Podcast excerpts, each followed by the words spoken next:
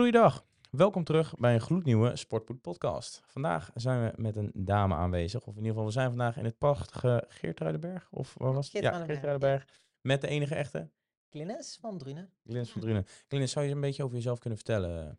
Eh, ja, ik, eh, ik ben Glinnes en ik doe al, eh, al een aantal jaren aan sport, bodybuilding.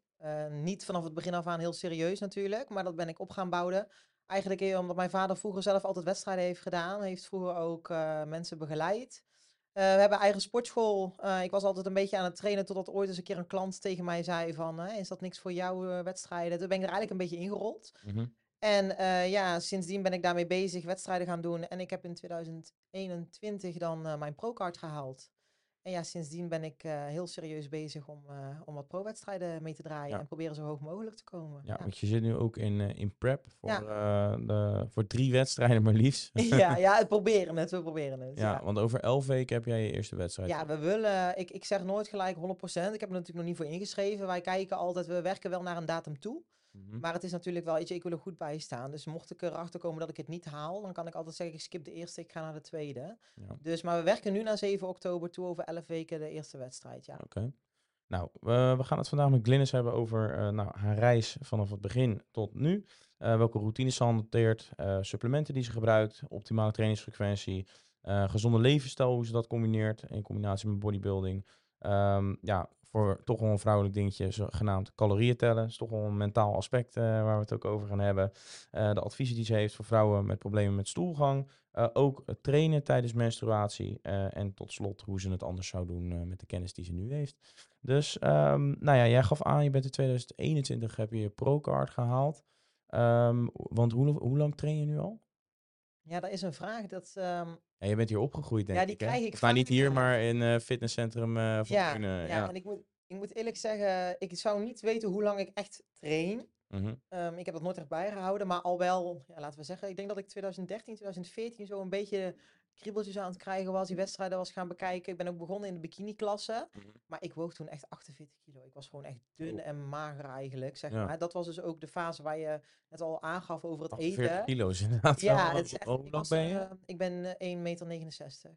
Oké, ja, dat is ja. inderdaad heel Ja, ik was toen echt heel erg dun. Ik durfde ook niet te eten. Die, die fase heb ik ook allemaal gehad. Oké. En eigenlijk heeft deze sport mij ja, daar is heel erg bij geholpen. Om dingen anders in te zien, waardoor ik dat nu dus wel durf. Door juist meer te gaan eten. Ja, ja, ja, Dus eh, ik doe het al wel heel lang, maar echt serieus, ja, pff, ehm, durf ik zo niet te zeggen. Ik denk 2017, 18 dat ik echt wel ook wel wat meer eh, Ja, serieus die kant op vijf, vijf jaar ongeveer. Die heeft zichzelf echt opgebouwd. Hm. Ik ben steeds meer gaan durven, steeds meer gaan luisteren. En steeds meer gaan durven eten, zwaarder gaan trainen. En zo is dat er eigenlijk ingerold na jaren, zeg maar. En jij geeft aan van het durven eten. Eh, heb jij ooit eetstoornissen gehad dan? Want dat is wel vaak iets wat nu tegenwoordig wel echt een hot topic is eh, nou ja, binnen de bodybuilding branche. Maar, of nou, bodybuilding, gewoon iedereen die aan krachttraining doet. Krachttraining is eigenlijk bodybuilding, maar Ja. dat, eh, heb jij daar ook vaak struggles mee gehad met eetstoornissen? Of echt alleen aan het begin toen je nog niet echt wist wat je deed? Nou, een eetstoornis niet zozeer. Maar als vrouw zijnde ben je gewoon heel snel bang om of te vet of wat dan ook. En Vocht, hè? dat is Vocht, een, ja, een natuurlijke ja, vijand. Ja, eh. ja, ja. Dus eh, het was vooral eigenlijk zo, ik wilde zeg maar wel graag het podium op. Ehm, ik was hartstikke dun. Eh, ik ben sowieso heel tenger van mezelf. Ik zet heel moeilijk massa aan. Dat is voor mij gewoon iets wat heel moeilijk is. Ik moet daar heel veel voor eten. En ja, in de eerste positie toen ik mee ging doen, had ik zoiets van, ik moet op het podium juist hard zijn. En voor in ieder geval strak. Mhm. En als ik nou ga eten, dan word ik alleen maar dik. Ja. Dus ik vertikte het eigenlijk om te eten. Maar ja, ik wist ook dat ik uiteindelijk leed mijn lichaam er natuurlijk onder. Want ik had ook de energie überhaupt niet om zwaar te trainen. Ja. En ja, je moet wel even het besef krijgen dat je voeding en energie nodig hebt. En ook natuurlijk eiwitten en, en, en energie en calorieën om te kunnen opbouwen. Ja. En ehm, dat durfde, durfde ik in het begin niet. Mijn vader is ook degene die mij eigenlijk in het begin heeft gecoacht hè, naar eh, het beginstuk. En die heeft op een gegeven moment een keer een statement eh, naar mij gemaakt toen we samen in de auto zaten van als jij nu niet gaat eten wat ik zeg dat jij moet eten, stop ik acuut met het coachen van jou en ga jij geen wedstrijden meer doen.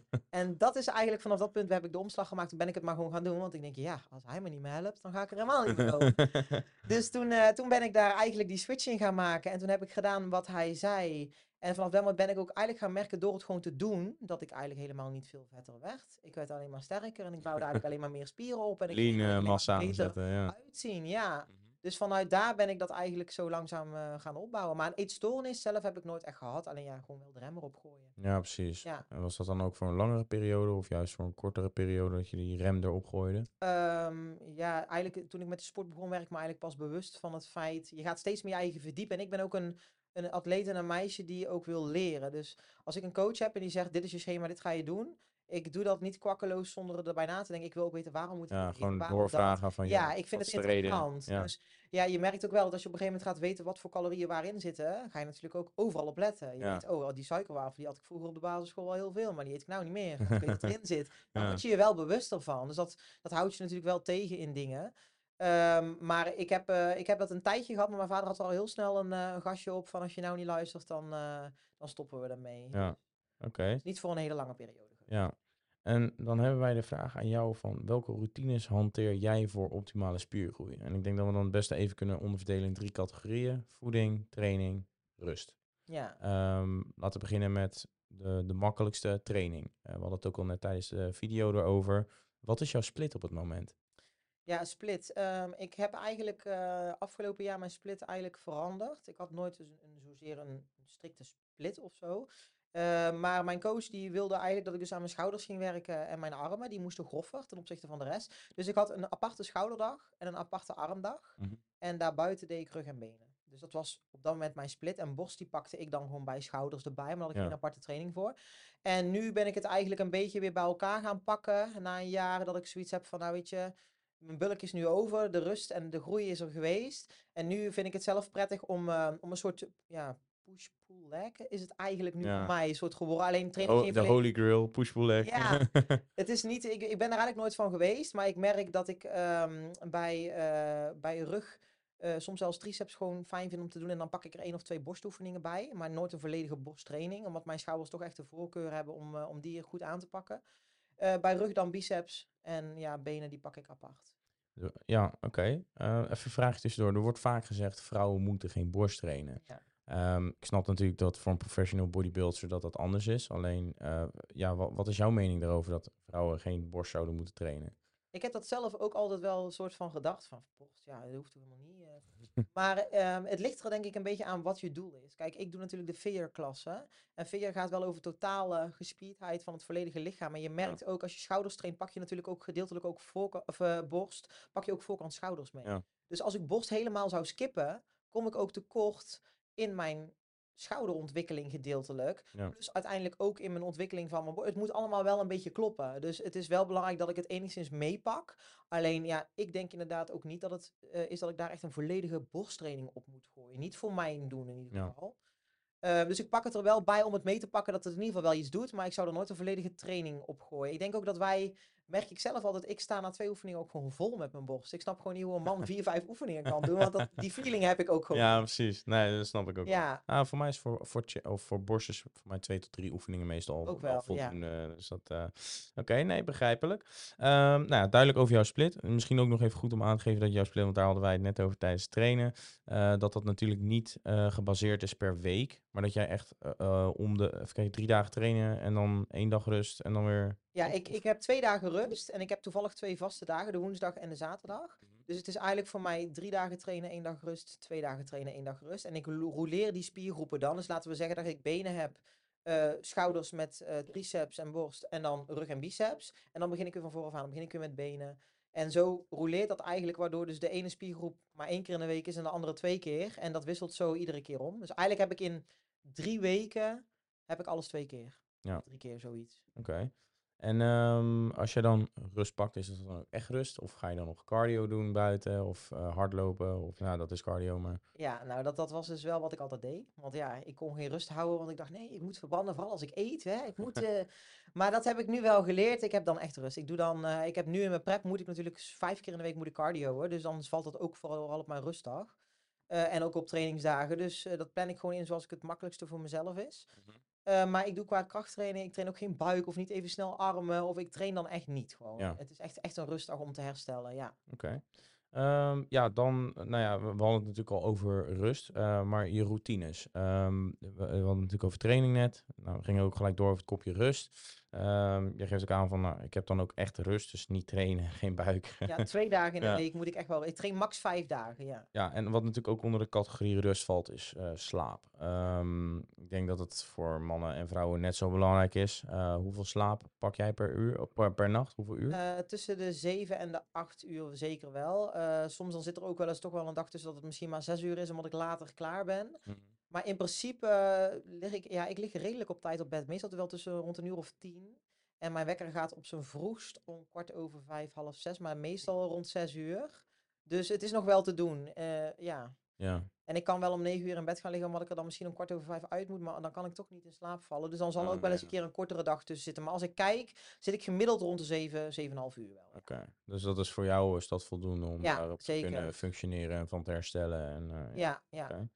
Oké. Oké, Ehm, nou ja, dan het laatste stukje, de, de voeding. Ehm, wat, wat vind jij een goede, want jij zit natuurlijk nu in prep, dus dan ben je natuurlijk aan het dieet en aan het afvallen. Nou ja, dat is natuurlijk heel erg persoonlijk gebonden, Zeker, want eh, ja, zoals je al aangaf van, je bent tenger van jezelf, dus dan zou je waarschijnlijk meer mogen eten in verhouding dan een gemiddeld persoon, denk ik zo. Eh, ja, in principe wel over Ja. het algemeen, maar dat, ook dat wisselt heel erg hoor. Maar wat zou voor jou een beetje de vuistregel zijn voor een vrouw die haar eigen nou, macro's probeert te bepalen voor calorieën? Zeg maar, wat, wat is een beetje een richtlijn eh, qua Ja, eiwitten, dat- vetten, Ja, ik vind dat echt heel erg moeilijk. Want wat je al zegt, het is per persoon zo verschillend. Ik kan, Mhm. ik kan niet zeggen, iemand moet 1500 of 1700 of 2000 calorieën eten. Dat is echt, dat, het is gewoon echt heel verschillend per lichaam. Het ene lichaam kan gewoon veel meer hebben als het Ja. Kijk, Alleen, ik denk dat als je als vrouw zijnde, eh de verdeling van je voeding is vooral belangrijk. Kijk, je kan wel zeggen, heel veel mensen roepen calorie in, calorie out. Eh, weet je wel, dat, dat is ook zeker wel zo. Maar wat ik ook merk, als mensen totaal geen eiwitten eten, alleen maar koolhydraten en vetten, en dan eten ze misschien maar 1000 calorieën, dan zullen ze ook niet afvallen. nee. Het gaat ook wel om de verhouding. Dus ik denk als een vrouw gewoon ervoor zorgt dat ze gemiddeld om de 2 à 3 uur een portie eiwitten binnenkrijgt, met wat koolhydraten, vetten gewoon gemiddeld, dat ze in ieder geval als ze die eiwitten een beetje op peil hebben, dat het al wel de goede kant op gaat. Wa- Wat zou voor jou een goede indicatie zijn voor- qua hoeveelheid eiwitten? Ja, Zeg maar per, per, bijvoorbeeld per kilo lichaamsgewicht? Ja, de meesten zeggen rond de anderhalf tot 2 kilo per ki- kilo lichaamsgewicht, zoiets. Ja, ik zit zelf veel hoger. Ja, dat is... Omdat jouw eh, stofwisseling zo... eh, Ja, nou ja, is. ook gewoon, eh, dat zal ik eerlijk zeggen, omdat mijn coach gewoon zegt van luister, ga maar omhoog ermee.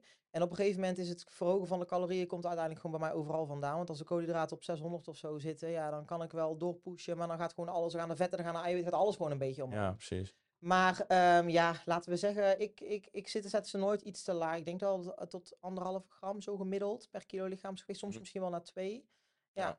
Oké, en ehm, nou ja, duidelijk wat betreft routines. Ehm, over de voeding. Eh, we zien ook vaak dat koolhydraten als een soort gevaarlijk iets wordt gezien. Dat is ook weer echt iets... Het begint al af te nemen, dus dat is in ieder geval top. Alleen voor dames is vaak omdat, zeg maar, voor de mensen die het niet wisten, 1 gram koolhydraten houdt 3 gram vocht vast. Dus koolhydraten wordt vaak als iets fout gezien. Want als je dan iets meer koolhydraten eet, dan kom je heel snel aan. Eh, wat zijn voor jou goede bronnen van koolhydraten om wel te kunnen eten? Excuses voor de onderbreking van deze podcast, maar we hebben een oplossing gevonden voor het betaalbaar maken van supplementen. We introduceren graag de Sportpoeder-app. Ontwikkeld om jou te helpen met het besparen van jouw supplementen en de kosten die daar maandelijks bij komen kijken. Met deze app mis je nooit meer een korting en kun je tientallen euro's per maand besparen. Hoe werkt het? Installeer eenvoudig de app in de Google Play Store of in de App Store. En eh, schakel de meldingen in en je bent helemaal klaar. Maar er is meer. Door de app te downloaden maak je ook nog eens kans op 500 euro aan supplementen elke maand. Terwijl je ons tegelijkertijd ook nog eens support, zodat wij deze prachtige content voor jullie kunnen blijven maken. Dus als je onze content waardeert en op de hoogte wil blijven van de lekkerste supplementenkortingen van alle supplementenmerken in Nederland waar wij partner van zijn, is het downloaden van de app een kleine moeite. Veel plezier verder met het luisteren naar deze podcast. Ik denk dat er wel een beetje een onderscheid tussen zit. Eh, ja, dat is ook, eh, ligt er een beetje aan hoe je verteringsstelsel is en wat je goed kan handelen. Mhm. Kijk, heel veel mensen zeggen bijvoorbeeld eh volkorenproducten, havermout, dat soort dingen. Zijn hele goede bronnen, zeker. Ehm, ik merk zelf, als ik een bepaalde hoeveelheid havermout moet pakken, gaat het mis. Want dan krijg ik te veel last van een opgezette buik, van de vezels. Dus dan Ja. zou ik eerder voor een rijstebloem kiezen. Terwijl sommige mensen misschien zeggen, hey, dat is veel te snel en er zitten geen vezels in. En... Maar het is de combinatie, je combineert het natuurlijk met vetten en eiwitten. Dus ja, wat ik voor bronnen zou kiezen, ik zit zelf vaak op, eh, op rijst dan. Zoet- Witte rijst. ja, gewoon witte rijst, zoete aardappel, eh, ook gewoon normale aardappel. Dat wissel ik gewoon met elkaar af. Ehm, havermout en rijstebloem dan eigenlijk, fruit, dat soort dingetjes eigenlijk. En dingen als eh, brood bijvoorbeeld. Eh, in mijn prep niet, maar in mijn off-season zeker wel. Ja, ik ben echt een broodeter. Ik eet het liefst alles van de bakker stokbroden, eh, Italiaanse bollen. heerlijk brood met, met een avocado of pindakaas erop. Heerlijk. Laten we daar niet te ver, te ver op ingaan, anders krijgen we straks honger. nee, maar brood, ik denk niet, ja, weet je, brood, het, het bevat vaak in de mixen suiker, zout, dat soort dingen. Maar ik denk dat in je off-season, als jij niet droog hoeft te trainen, dat het echt niet verkeerd is om een keer uh, een paar sneetjes brood te eten. Ja, precies. Nee. Zou je dan eerder volkorenbrood aanraden of speldbrood? Of? Ja, denk ik wel. Ik denk dat dat sowieso wel wat gezonder is met ook wat meer voedingsstoffen en zo. Um, maar ja, weet je, als jij dus wat ik al zei, uh, heel veel last hebt van vezels, zijn mensen die zijn er echt heel gevoelig voor. Ik heb er zelf ook veel last van. Als ik s ochtends havermout eet, moet ik vooral niet s middags volkorenbrood gaan eten en s'avonds aardappelen, want dan heb ik heel veel buikpijn. Ja. En in dat opzicht kan je dan kiezen beter voor wat minder zware vezel. Ja. Uh... ja. dames hebben volgens mij best wel een gevoelige uh, maag vaak. Uh, je ziet ook vaak dames die hebben bijvoorbeeld PDS, prikkelbaar darmsyndroom en al dat soort onderdelen zijn ook vaak vaker glutengevoelig, ja. omdat het dan heel erg gaat opzetten. Dus dat, nee oké, duidelijk. En ehm, nou ja, wat betreft dagelijkse voeding, je hebt natuurlijk al wat erover verteld. Um, wat zou voor jou een beetje de basis zijn qua supplementatie als vrouw zijnde waar, nou ja, waar jij op let om te nemen? Um, ja, sowieso eigenlijk een multi en een omega-3. Dat is iets wat is eigenlijk bijna altijd wel standaard. Mm -hmm. uh, die neem ik zelf ook altijd. Um, ja, magnesium vind ik ook wel een hele goede aansp. Vooral als je krachttraining doet qua spieren en wat je ook zei voor krampen, dat soort dingetjes. Um, en D3, ook wel iets wat vaak gemist wordt. En vooral in Nederland natuurlijk, omdat er weinig zon is. In de zomer zou ik niet per se zeggen van ga het nemen als je veel zon ziet. D3 en ja, ik denk dat dat voor de basis, het ligt er een beetje aan hoe diep jij in de sport zit. Ben je echt een pro-atleet of ben je ja, dan moet je kijken naar meer details. Anders. Maar laten we het houden op een multi en een omega en een, uh, een magnesium en een D3 bijvoorbeeld. Ja. Dat zijn echt wel de basics. Uh... Ja, ik heb me wel eens laten vertellen dat je D3 bijna altijd moet combineren met K2, dacht ik. Ja, die heb je vaak in een... Nou, dan zal ik aan denken. Maar ik, ik heb zo'n olietje, zeg maar, in plaats van een pilvorm. Want het schijnt dat als het niet met een vet als D3 gecombineerd wordt, dan uh, wordt niet goed opgenomen of zo, of andersom. Ik weet even niet. Ja, dat, dat, ja, of ze stoppen er soms ook wel eens bepaalde preparaten in, waardoor het beter opgenomen wordt. maar dat ligt er ook aan weer per merk natuurlijk. Ja, precies. Maar K2 en D3 die combineer je ook vaak inderdaad. Ja, maar dat, ja, ik heb voor een normaal basic iemand uh, zijn niet veel mensen die K2 pakken. Maar onder de sportwereld, ja, ik pak het zelf ook altijd. Ik pak ook een combinatie van die twee in één. Uh... Ah, ik denk ook dat jij wel heel veel vitamines en mineralen überhaupt al uit normale voeding haalt. Waardoor je die supplementatie niet nodig hebt. Ja, precies. Ja. Ik heb zelf, ja, K2 vind ik wel, omdat het, het is vooral een, een belangrijk iets ook voor jouw bloeddoorstroming en dat soort dingetjes. Vind ik het wel een hele belangrijke. Ik zou dan eerder misschien voor mijzelf een multi moeten laten staan, omdat ik heel gevarieerd eet. Ja. Maar ook dat, vooral in prep, kom je die dingen gewoon heel snel tekort. Ja, als je ondervoed bent of in ieder geval te weinig eet. Je gaat toch een te grote aanslag doen op je vitamine reserves inderdaad. Ja. Oké. Ehm, nou, we hebben het natuurlijk al een beetje gehad over uh, hoe jouw trainingsschema eruit ziet. Wat denk jij dat voor dames de meest optimale, of nou, ik weet niet of dat heel erg verschilt tussen dames en mannen, maar wat, wat denk jij dat de meest optimale trainingsfrequentie is? Uh, jij traint dan zelf in principe, als we het even terug vertalen naar, want jij kijkt niet echt per week, maar gemiddeld kom je toch wel op vijf dagen uit, denk ik. Ja, vijf keer per week. Ja, als ik het per week moet kijken, heb ik standaard elke week twee rustdagen. Ja. Dus ik train vijf keer, ja. ja denk je dan dat dat ook optimaal is? Ook, ook in preppen voor? Of nee, het is natuurlijk verschil tussen bulk en prep. Zit er bij jou daar toevallig nog verschil in? Um, nee, niet zozeer. Alleen um, ja, of het optimaal is, is moeilijk te zeggen. Omdat het ook, ook dat weer, ja, dat klinkt misschien heel cliché, maar het is heel persoonlijk gebonden. en oh, we know. ja, ik weet wel dat mijn coach, um, omdat ik best wel een redelijk snelle stofwisseling heb. Ik ga ook, als ik uh, in het begin van de prep moet ik ook best diep gaan. Uh, maar als ik eenmaal ga, ga ik ook hard. En dan wil hij nog wel eens zeggen van ga van vijf keer naar vier keer. Weet je wel, neem die rust. Want rust is eigenlijk ook wel heel belangrijk om te kunnen groeien. Mm -hmm. als jouw doel is om spiermassa te kweken, ben jij iemand die snel verbrandt, die veel voeding nodig heeft, die moeilijk aankomt, ja, dan zou ik ook zeker niet zes, zeven keer in de week gaan trainen. Dan zou een vier keer misschien wel veel beter zijn. Ja. En dat zijn ook dingen die kan je testen. Ga een periode vier keer per week trainen. Ja. Train een periode vijf keer per week en kijk wat voor jou werkt. Sommige mensen groeien op vier keer veel beter dan op vijf keer. Ja. Dus dat is ook, ja, dat moet je even, even voelen. Stel dat ze dan, uh, wat je doet dan nu eigenlijk een, uh, een soort push-pull legs uh, routine, soort van. Dus dan eigenlijk push-pull, legs, push, rust, pull, ja, zoiets. push-pull ja, legs, ja, ja, push. Ja, nou, het, kan, dat, het kan wel een switchen, ja. Stel dat jij naar vier dagen zou terugschakelen, uh, zou je hem dan anders verdelen? Dus dat je zegt van ik doe een upper-lower split, of dat je zegt van ik doe een push-pull legs, lower, of iets in die trant, of... Eh, nou, ik heb ze nou natuurlijk al samengevoegd, dus misschien in deze opstelling niet. Maar ik had natuurlijk hiervoor armen los, rug los, schouders los en benen. Dus Mhm. in dat opzicht zou ik dan zeggen, ik ga ze combineren zoals ik ze nu heb. Ja. twee spiergroepen bij elkaar pak. Ehm, maar nu het enige wat ik nou zou doen, is ik zou zeggen, als ik minder ga trainen en ik heb zwakke punten, dan zou ik zorgen dat ik die punten natuurlijk goed aanpak. Dus Ja. als ik dan bijvoorbeeld zoiets heb van mijn benen gaan goed of die gaan hard, dan is het niet erg om één keer in de week benen te doen. En dat ik dan zorg dat ik in ieder geval schouders bijvoorbeeld twee keer in de week heb. Ja. Of dat je benen een keer overslaat. Dat, dat, dan zou ik echt focussen op je zwakke punten. Dat je in ieder geval die, dat je wel genoeg rust tussen die spiergroep hebt. Mhm. eh, qua dagen. Maar dat je die dan probeert twee keer in de week toch wel mee te pakken. Oké, duidelijk. En ehm, hoe zou jij een eh, gezonde levensstijl ehm, ja, vanuit jouw eigen ervaring eh, kunnen ja, stimuleren, om maar zo te zeggen? Dus hoe zou jij dat, wat zou, hoe zou jij de basics een beetje aanpakken voor een gezonde levensstijl? Buiten de macro's die we natuurlijk net al Ja. besproken hadden, over nou, minimaal anderhalf gram eiwitten, ongeveer 1 gram vet per kilo lichaams, voor mij een beetje de gemiddelde. Hoe zou jij bijvoorbeeld kijken naar voeding? Wat, wat zou voor, jij voor jou een beetje de basics zijn om dat eh, daarin te krijgen? Ehm, ja, ik, eh, qua voedingsmiddelen, of ik, ik heb zelf zoiets van als je qua levensstijl eigenlijk, hè, wat een gezonde levensstijl. Ik heb altijd zoiets van, eh, ehm, als jij zwaar traint, zorg dan in ieder geval dat je voldoende voeding binnenkrijgt. Ga niet eronder te veel onder zitten, want op een lange termijn te weinig eten met een te hoge intensiteit training is natuurlijk niet gezond. Waardoor je dus ook weer komt kijken bij rust. Ja, en beweging. Weet je, ga niet heel de dag stilzitten op een stoel. Of ga niet, eh, als je eh, sport en je bent eigenlijk gezond bezig, ja, je helemaal klemzuipen in de weekenden altijd. Dat dat een Hm. keer voorkomt is niet erg. Ja. Maar ik zou voor een gezonde levensstijl zou ik wel zorgen dat je, dat je wel hè, dat je je rust goed hebt. Dat je in ieder geval gezonde voedingsmiddelen en niet heel de week alleen maar troep naar binnen werkt. Ook al zijn het je calorieën, blijf je binnen je calorieën. Ja, ja. Weet je, je kan naar de McDonald's gaan binnen je calorieën blijven, maar eh, ja, het levert je geen voedingsstoffen op. Nee. En dat is hetzelfde. Mensen zeggen, ah, cardio hoeft niet. Nee, cardio hoeft niet altijd om af te vallen. Maar ook cardio is wel voor jouw bloedbaan, voor je. Cardiovasculariteit. Ja, het is gewoon heel belangrijk. Dus het is wel iets, je hoeft dat niet verplicht elke dag te doen. Maar een beweging of hè, erin te houden, denk ik dat dat voor je gezondheid sowieso wel optimaal is. Ja. Om dat ook wel bij te houden. Ja, ik denk sowieso dat eh, een leg day met jou goed genoeg is voor mijn cardiovasculariteit. Die was zwaar zat. nee, maar duidelijk inderdaad. Ehm, ja, en dan toch wel, een, eh, nou ja, niet per se een gevoelig onderwerp, maar wel een ding wat we vaak eh, naar voren zien komen binnen de community.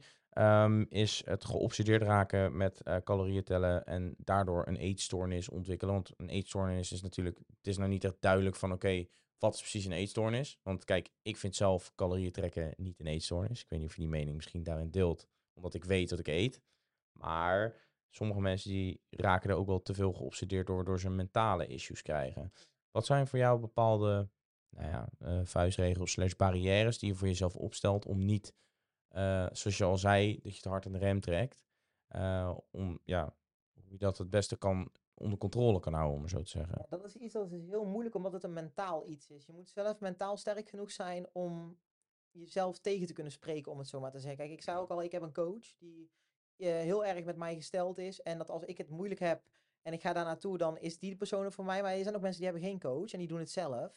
En het is meer van, ja, wat ik voor mezelf wel eens stel is, ehm, net als bijvoorbeeld als ik in mijn bulk zit. Kijk, ik ben dan misschien wel een pro-atleet, maar ook ik heb er moeite mee om van mijn shape in mijn bulk te komen. En ook ik vind het dan niet leuk om op vakantie in een bikini te lopen, terwijl ik 11 kilo zwaarder ben als normaal natuurlijk. Ja, Terwijl mijn vriend me er helemaal niet verkeerd uit vindt zien, maar dat vind je zelf snel wel. Als vrouw zijn, dan ben je daar gewoon heel anders naar aan het kijken. Mhm. Eh, maar ja, wat ik eigenlijk altijd voor ogen hou is van wat is je doel? Als mijn doel is om een podium te gaan en ik wil er elk jaar beter uitzien. Ga de rem erop gooien. Dan zie je er, wil je er volgend jaar hetzelfde bij staan? Wil je weer geen plaatsing hebben? Wil je weer niet dit? Dan moet je vooral nu de rem erop gooien. Dus de, mijn mindset is van wat wil je? En ga dat achterna. Dus als je weet dat je wil groeien, je weet dat je er volgend jaar beter uit moet zien, dat je daar dus ook meer calorieën voor moet eten, voor moet aankomen, doe het dan ook, want anders ga je er niet komen. ja. Ja, je hebt het gewoon nodig om te kunnen groeien en ook om te kunnen herstellen. Dus, en gezondheid Zeker. is natuurlijk ook wel iets wat heel belangrijk is. Dus wat dat betreft eh, zou ik gewoon zeggen van ja, je moet gewoon eh, tegen jezelf zeggen van eh, gewoon doen. Ja. Heb je nog bepaalde tips voor mensen die te obsessief bezig zijn met calorieën tellen? Misschien om het mentale aspect te versterken. Het hoeft niet praktische tips te zijn van oké, je moet zo je calorieën tellen, maar het kan natuurlijk ook een mentaal dingetje zijn. Ja, tips, het is heel moeilijk, omdat als iemand eenmaal in die, in die flow zit, ja, zie je het er maar eens uit te krijgen. Ik heb het natuurlijk zelf ook wel gehad en ik heb iemand gehad die mij eruit heeft getrokken. Maar ja, het is gewoon iets wat heel moeilijk is. Maar wat ik laatst tegen mezelf heel vaak zeg, en dat klinkt misschien heel diepzinnig, maar weet je, je leeft maar één keer. Dus doe het dan ook gewoon goed. En ga niet constant je eigen restricties opleggen, wat je wel niet. En constant, eh, ik vind dit niet mooi, ik vind dat niet. Leef gewoon en geniet. En ik heb het ook gemerkt, dat je gaat op vakantie, geniet van dingen. Probeer eens een keer lekker een ijsje te eten. Want je weet dat je het lekker vindt, je geniet ervan. Ja. En één ijsje word je echt niet eh, een tienton van. En van een pizza ook niet. weet je, dat is, als je dat wekenlang aan een stuk elke dag gaat eten, dan gaat er misschien wel gebeuren. Maar je moet ook wel een beetje genieten. Ja. En als je je eigen constant maar alles oplegt, dan word je ook niet gelukkig van. Want Ja, je wordt er eigenlijk alleen maar half depressief van, omdat je eigenlijk boos bent, omdat je het wel wil eten, maar je doet het niet. Dus dan word je eigenlijk chagrijnig. onderhuidse frustratie ook. Stress krijg je er denk ik Ja, en sommige mensen hebben dat natuurlijk ook als ze het wel eten, dat ze dan ook stress krijgen, omdat ze zoiets hebben van, wat heb ik nou gegeten? Maar het is nou echt niet zo van, ik eet vandaag een pizza en ik ben morgen eh, drie kilo zwaarder. En als je wel drie kilo zwaarder bent, dan is het 9 van de 10 keer vocht. Want dan zit er heel veel zout op een pizza, Ja. kaas. Dus, en dat is aan het eind van de week weer af. Ja, Koolhydraten. precies. Dus ja, weet je, leef en geniet ook. En eh, ja, ben niet te streng voor jezelf. Ja. We hadden natuurlijk ook al eerder eh, gehad over nou ja, d- d- dat, eh, dat jij bijvoorbeeld een beetje gevoelig kan zijn voor vezels. Ehm, ik heb me een tijdje terug laten vertellen door Lotte, eh, we hadden natuurlijk over haar, dat, ehm, dat, dat sommige vrouwen blijkbaar gewoon meerdere dagen nou, niet ontlasten, om maar zo te zeggen. Ja, ja, ja. Ehm, heb jij eventueel advies voor dames die problemen ervaren met de, met de stoelgang? Dus dat ze juist moeite hebben met een soort obstipatie hebben. Ja, ehm, ja en nee. Ehm, bij ene werken vezels dus goed om beter naar de wc te kunnen. Maar net als ik ben iemand, als ik te veel vezels eet, kan ik niet naar de wc. Bij mij hoopt het op. En ik kan dus heel moeilijk naar de wc als ik te veel vezels binnenkrijg. Ja. Dus ook dat. eh, ik heb een tijdje gehad dat mensen die hebben heel veel baat bij psylliumvezels. Dat zijn echt wateroplosbare vezels die uitzetten in jouw darmen, waardoor je stoelgang makkelijker wordt. Mhm. Maar ook dat is maar net hoe je daar tegen kan. Het kan zijn dat je er niet tegen kan en dat je er dus alleen maar obstipatie van krijgt. Je moet er heel veel bij drinken. Ja. Ehm, dus dat is een dingetje.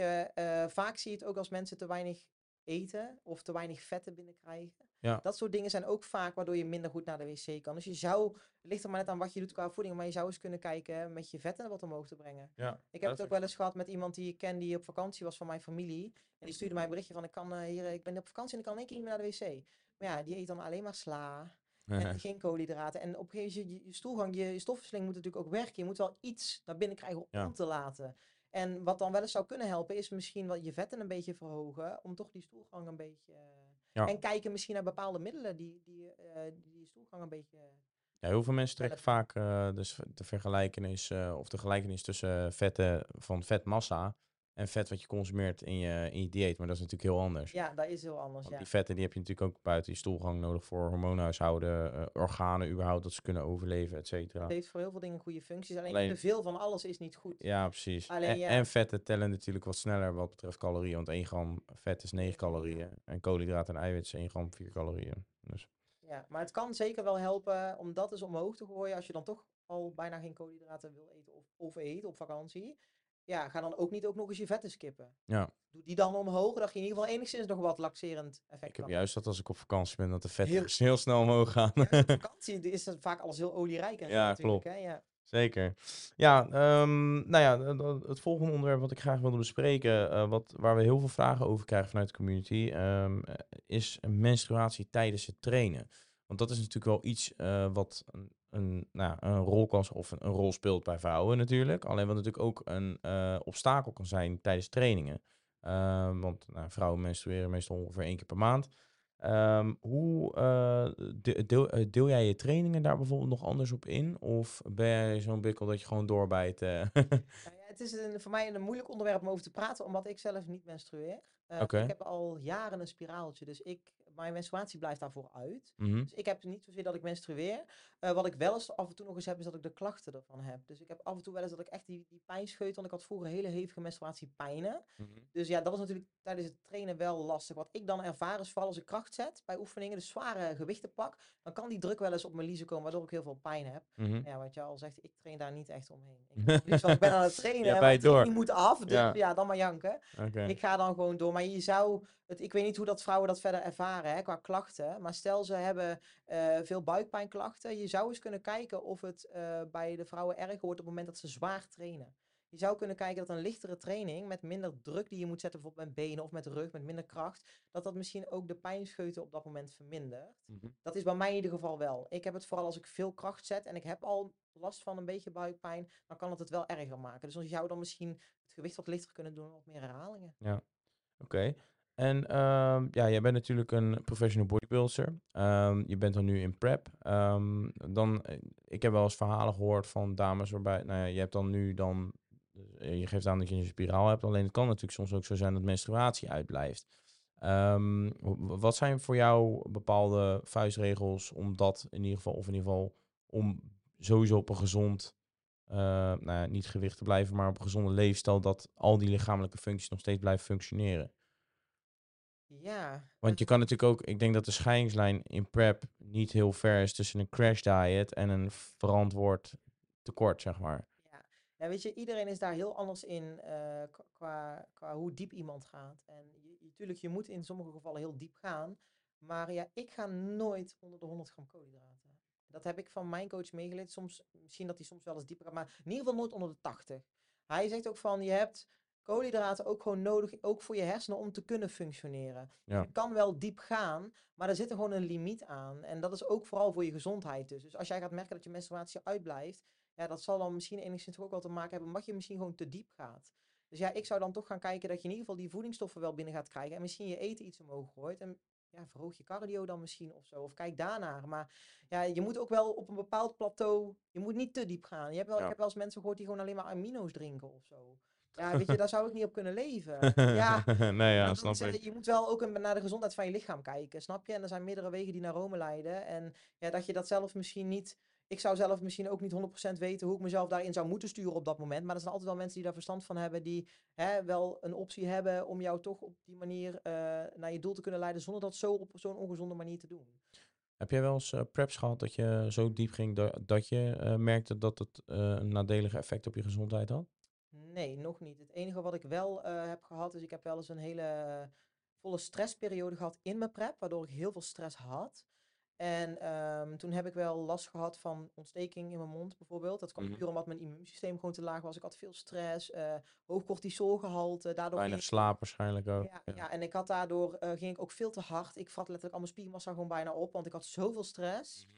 Eh, het enige wat ik daaraan over heb gehad, is ik ben toen een jaar lang echt ziek geweest. Ehm, ik was toen in een maand tijd ben ik bijna 11 kilo afgevallen. Oh, En wij konden maar niet vinden wat het was. Heel veel onderzoeken laten doen. Dokter die zei, eh, die kon het niet vinden. Het was ook niks lichamelijks. Ik had maag-darmonderzoeken gehad, letterlijk alles. Ehm, toen heb ik op een gegeven moment ben ik naar zo'n natuurgeneeskunde geweest, laten uitlezen.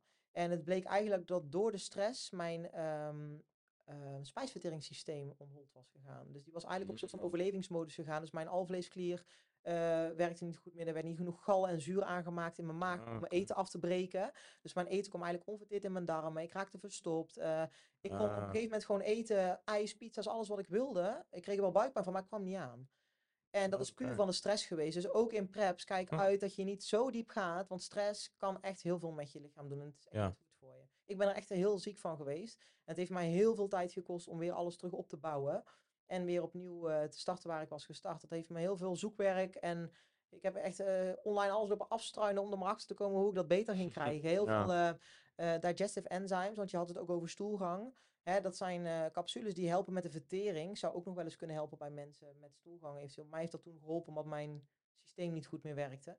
Mhm. En eh, ja, dus, dus vooral eigenlijk eh, kijk met stress heel erg uit. Want ja, je kan er wel redelijk ziek van worden Ja. uiteindelijk. Ik heb er heel veel klachten aan. Ja, het is mentaal, is natuurlijk iets, eh, of in ieder geval, het- stress is mentaal, alleen het uitzicht ook fysiek. En dan gaat het inderdaad op een gegeven moment zijn effect hebben. En dan, Vaak misschien niet eens tijdens je prep. Want bij mij was het, ik had zeg maar zo'n focus in mijn prep. Ik ging maar en ik ging maar. Het maakt niet uit wat voor stress ik had en wat er allemaal gebeurde. Ik ging gewoon door en ik zou dat podium halen.